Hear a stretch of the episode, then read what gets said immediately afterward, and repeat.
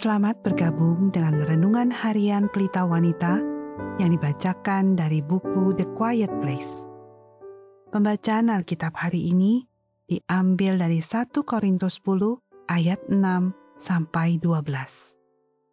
Semuanya ini telah terjadi sebagai contoh bagi kita untuk memperingatkan kita, supaya jangan kita menginginkan hal-hal yang jahat seperti yang telah mereka perbuat dan supaya jangan kita menjadi penyembah-penyembah berhala, sama seperti beberapa orang dari mereka.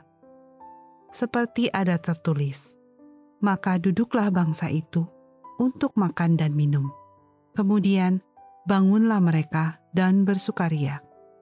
Janganlah kita melakukan percabulan, seperti yang dilakukan oleh beberapa orang dari mereka. Sehingga pada satu hari telah tewas 23.000 orang. Dan janganlah kita mencobai Tuhan, seperti yang dilakukan oleh beberapa orang dari mereka, sehingga mereka mati di pagut ular. Dan janganlah bersungut-sungut, seperti yang dilakukan oleh beberapa orang dari mereka, sehingga mereka dibinasakan oleh malaikat maut. Semuanya ini telah menimpa mereka sebagai contoh dan dituliskan untuk menjadi peringatan bagi kita yang hidup pada waktu di mana zaman akhir telah tiba. Sebab itu, siapa yang menyangka bahwa ia teguh berdiri, hati-hatilah supaya ia jangan jatuh. Ayat kunci hari ini adalah dari 1 Korintus 10 ayat 12. Sebab itu, siapa yang menyangka bahwa ia teguh berdiri. Hati-hatilah supaya ia jangan jatuh. Monster-monster kecil.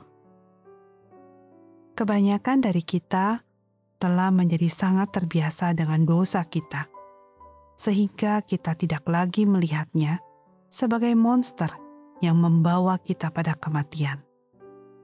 Dosa lebih berbahaya dibandingkan dengan beruang liar.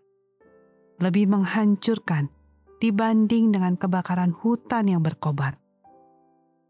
Tanyalah Nebukadnezar yang kehilangan akal sehatnya karena dia tidak mau untuk mematikan kesombongannya.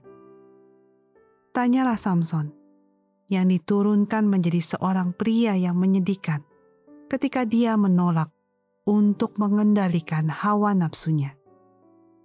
Tanyalah akan Ananias dan Safira yang masing-masing kehilangan nyawa karena dosa kecil mereka yang tersembunyi.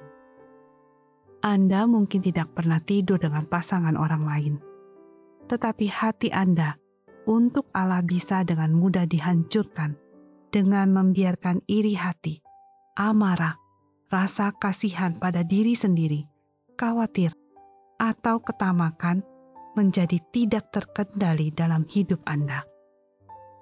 Uskup Gereja Anglikan di abad ke-19, J.C. Ryle, memperingatkan agar kita tidak menjadi naif terhadap pengaruh dan potensi kuasa dosa. Saya khawatir kita tidak memiliki kesadaran yang cukup atas penyakit di dalam jiwa kita yang bekerja dengan sangat diam-diam, kita cenderung lupa kalau godaan untuk melakukan dosa sangat jarang datang dengan memperhatikan warna aslinya dan berkata, "Aku adalah musuhmu yang mematikan, dan aku ingin menghancurkanmu selama-lamanya di neraka." Oh, tidak! Dosa datang kepada kita seperti Yudas dengan ciuman, dan seperti Yoab dengan tangan terbuka dan kata-kata sanjungan. Apakah Anda puas dengan mempertahankan tingkat dosa tertentu dalam hidup Anda? Percaya bahwa Anda bisa menaklukkan dan mengatur dosa tersebut? Camkan hal ini. Tidak ada yang namanya dosa kecil. Semua dosa yang tidak diakui adalah benih yang niscaya akan menghasilkan panen yang berlipat kali jumlahnya. Seperti yang diperingatkan oleh Charles Spurgeon mereka yang mengkompromi dosa yang mereka anggap sebagai hal-hal kecil akan segera menikmati dosa dalam hal-hal yang besar. Larilah kepada salib Tuhan Yesus. Akui dosa apa pun yang telah dibukakan oleh Roh Kudus kepada Anda, dan percaya kepada Kristus untuk membasmi dosa-dosa tersebut dari hidup Anda sebelum monster ini menguasai Anda. Sebagai penutup, mari kita berdoa seperti ini.